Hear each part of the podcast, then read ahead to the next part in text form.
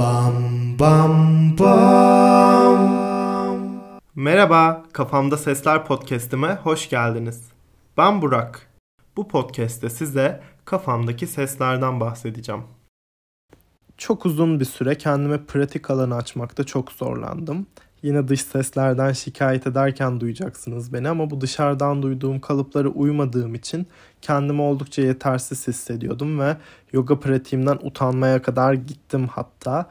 Bu utanç bir yerde pratiklerimi sıfırladı. Çünkü iyi bir yoga hocası olmak için her sabah kalkıp 90 dakika güneşi selamlı böyle gümbür gümbür bir yoga pratiği yapmam gerekiyordu mesela.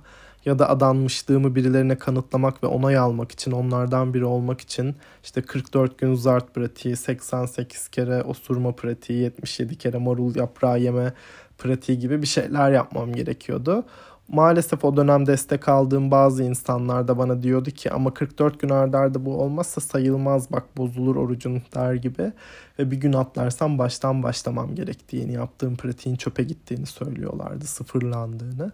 Bu söylemler bana çok da tanıdık geldi yani ortaokuldayken oruç tutmaya çabalarken böyle hani orucu bozarsın ağzına su çalkaladın sakız çiğnedin bozuldu mu bozulmadı mı hala Ramazan programlarında sanırım televizyonda var böyle şeyler.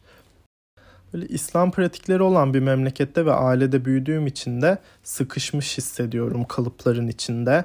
Kendi pratiğim ve hislerimden çok neyi nasıl yapmam gerektiğini söylüyorlar bana ve bu benim iç dünyamdan ve inanışlarımdan uzaklaştırıyor beni.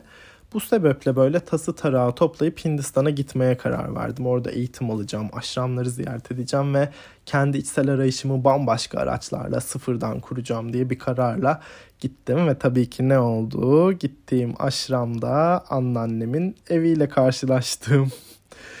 ne demek istiyorum?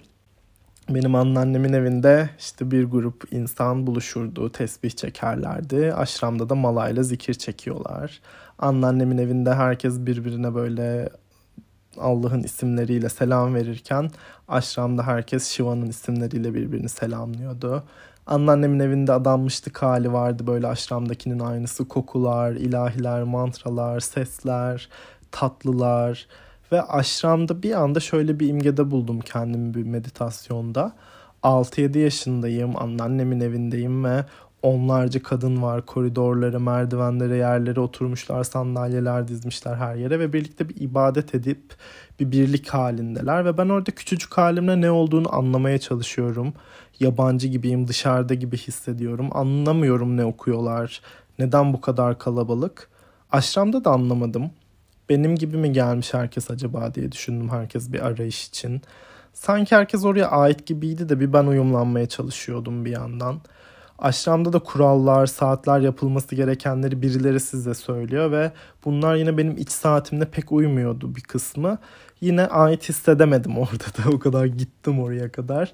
Yine bir yer bulamadım kendime diye döndüm geri. Hindistan hikayesinden önce üniversitede akademik kariyer hayallerinde laboratuvarlarda saatlerimi geçirirken çok benzer hislerim vardı. Yine ait hissetmiyordum. Akademinin kuralları vardı ve benim içimdekilerle uymuyordu bunlar. Buradaki fark şuydu. Ben orada kalmak için biraz kendimi zorladım. Çünkü aklım diyordu ki burası mantıklı, burada hayatın kurtulur. Ama bedenim, ruhum bunu istemiyordu.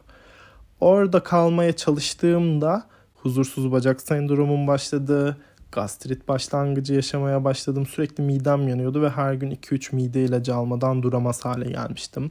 Sonra bir ara şarap fabrikasında işe başladım ve bir ay sonra üzümleri üzümler üzerime böyle kamyonla döküldüğü kabuslar görmeye başladım. Yani olmuyordu bir türlü ve olmayacaktı galiba. İşte Hindistan'a belki başka bir yerde başka şeyler vardır diye gittim ama bahsettiğim gibi orada da çok aynı şeylerle karşılaşıverdim. Sonra döndüm, kendi stüdyomu açtım ve kaçtığım şeyi kendi kendime de yaptığımı fark ettim aslında.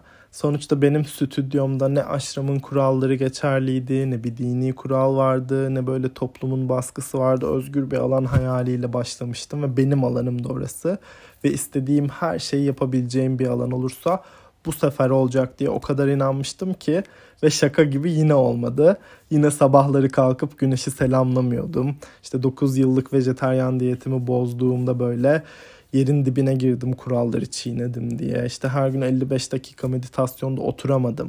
İlişkilerimde de sıçtım batırdım. Bir yandan aramaya devam ediyorum. Nepal'e gidiyorum, ayurvedik besleniyorum, spiritüelliği bir kenara bırakıp boks yapıyorum, fitness yapıyorum, pilates deniyorum ama bir türlü olduramıyorum.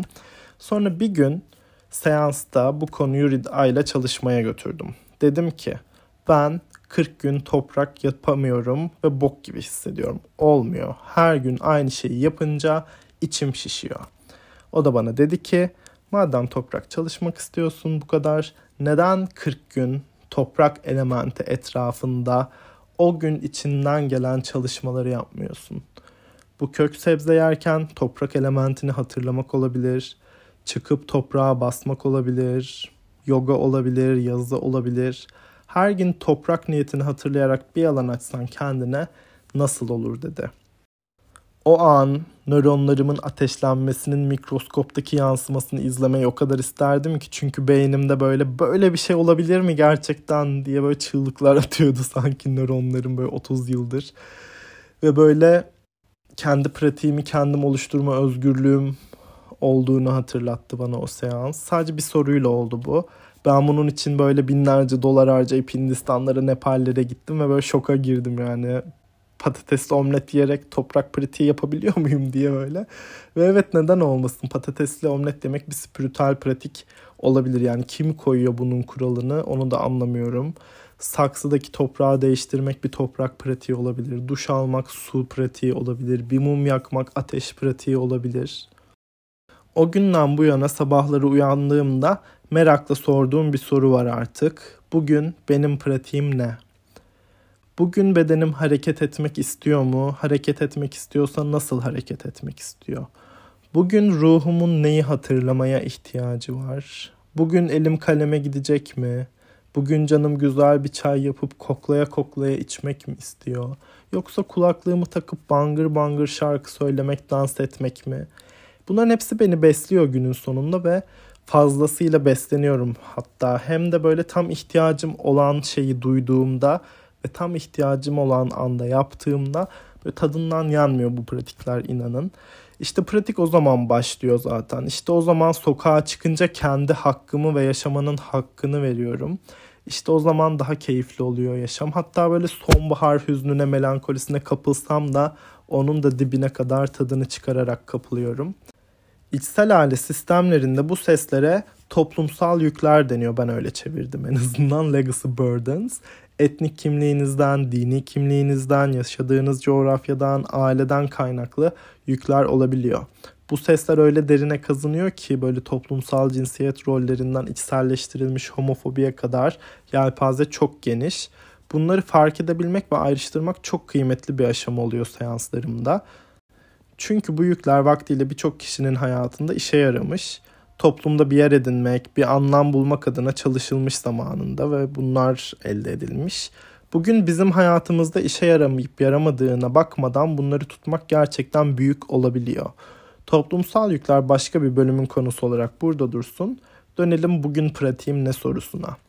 Bugün pratiğim ne diye sorduğunuzda ilk aşamada gümbür gümbür bir cevap beklemeyin. İşte kulaklığını tak ve Robin'den şu şarkıyı aç ve bağıra bağıra söyle. Böyle bir şey olmayabilir başlarda. Bir fısıltı gibi ya da bir laboratuvar gibi bir araştırma alanı gibi ele alabilirsiniz deneyip bugün bu işe yaradı mı? Bugün nasıl hissediyorum ve ne yaptığımda nasıl geliyor?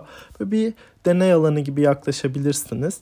Hatta bu soruyu sorduğunuzda yargılayan eleştiren küçük gören bir ses geliyorsa arkadan Buna da kulak verin isterim çünkü orada da çok kıymetli hazineler var. Oranın onları da ulaşabilirsiniz.